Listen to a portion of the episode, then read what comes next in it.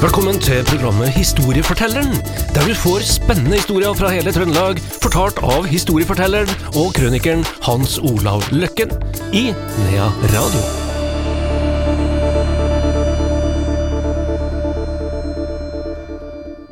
Da er programserien Historiefortelleren på lufta igjen. Velkommen til deg, Hans Olav Løkken. Jo, takk. Eh, Vi har jo fortalt historier, eller eh, du har fortalt eh, historier om sterke kvinner før, og jeg vet at du jobber med et litt større prosjekt om nettopp sterke, sterke kvinner. Hvorfor det? Jo, eh, det er jo eh, selvfølgelig sterke kvinner i overført betydning. Og jeg snakker ikke om eh, skuespillerinner og metoo og, og sånne personer. Jeg snakker heller ikke om eh, sportsfolk. Kulturpersoner og sånn. Det er ikke de jeg snakker om. Jeg snakker om kanskje de som er litt ukjente. Sliterne i samfunnet. Og folk som du kommer over, og, og, og som gjør et litt inntrykk på deg.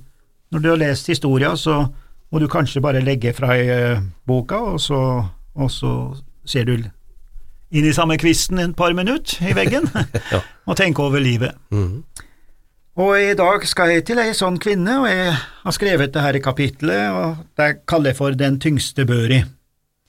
Og ordet Den tyngste børi, det, det kommer jo fra han, eh, Jan Magnus Bruheim, da, han var jo dikter, han døde i 1988, og han skrev jo følgende setning, eh, Den mannen bærer tyngst børi, som ingen har å bære. Den mannen bærer tyngst børi, som ingen har å bære sier han på nynorsk, og eh, den ligger noe der. Kanskje er det noen som surfer av gårde i livet uten motstand. De har en enorm fallhøyde. Men så har vi de som kanskje får all motstand, altså det er noe hele tiden, og her har vi da et kvinnemenneske som gjorde inntrykk på meg, og jeg håper at det skal gjøre inntrykk på de som hører også historien. Hun het Randi Hammer Oppheim. Randi Hammer Oppheim.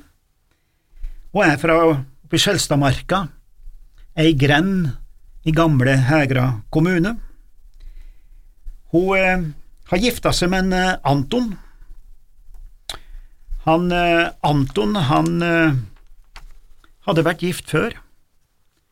Han hadde to barn, og eh, Kjerringa hans dør antagelig i barsel. Og den ene av de ungene han hadde, han ble en eh, meget eh, dyktig sportsmann i Trøndelag.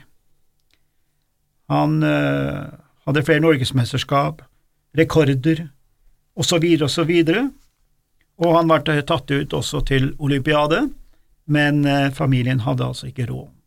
Det var sånn på de olympiadene på 20- og 30-tallet, og kanskje litt etter krigen nå, at de måtte stille med litt kapital sjøl for i hele tatt få lov til å bli med. Så hun her eh, Randi, da, hun gifter seg med denne enkemannen, og de får da etter hvert eh, seks barn. Den siste er ikke født da han Anton dør. Så eh, hun sitter igjen der som enke med denne unge flokken, og den siste tilkommer da straks etterpå. Det ble selvfølgelig et slit, men livet måtte jo da gå videre, og etter tre år så får hun dødsdommen sjøl.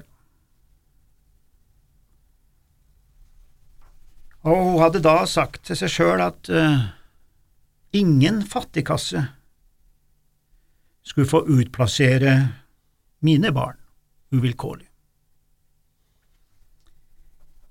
Hun hadde vel kanskje 14 dager igjen å leve.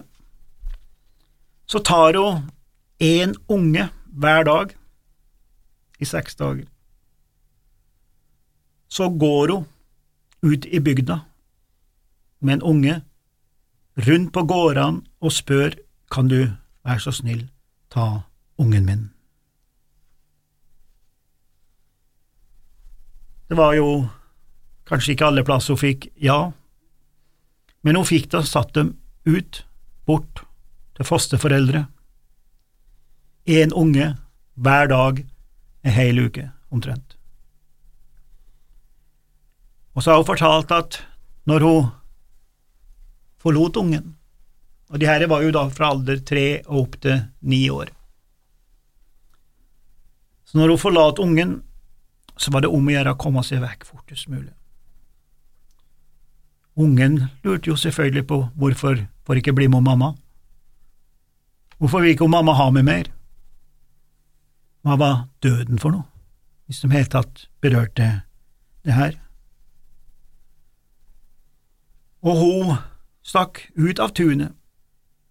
Hun snudde seg ikke. Hun eh, hørte at det var ikke lenger barneskrik bak seg, barnegråt, mener det. Nå var det barneskrik, altså frykt og redsel. Dette der, eh, den lyden som skjærer som kom i ryggen, og da hun sakte seg sjøl, hvis jeg nå snur meg, så klarer jeg ikke å gå derfra. Så hun gikk hjem for å dø. Dette brukte hun altså ei uke på. Det begynte å nærme seg at hun sjøl skal bli henta. Og eh, da de skjønte at nå var det slutt, så tok de senga til Randi og satte ut på kjøkkenet. Det var ofte makammers, ikke sant, men kjøkkenene var ganske store før i tida, så det var plass til ei seng. Så ble det sendt bud på de her fosterforeldrene med hennes egne unger, og alle kom hjem til sin barndomsheim. Disse ungene gikk rundt senga, ga mor seg en klem, tok henne i hånda. Så dør hverandre. Der og da. Det her er sterke kvinnemennesker som opplevde det verste av det verste, og som måtte gi bort ungene sine for på mange måter å få fred i sjelen og sikre seg at de fikk et hjem, og ikke overlate dem til fattigkassa. Men å prøve å gi fra seg en unge, ja, det er ikke bare bare. Og eh, det er klart at når hun gikk vekk fra gården,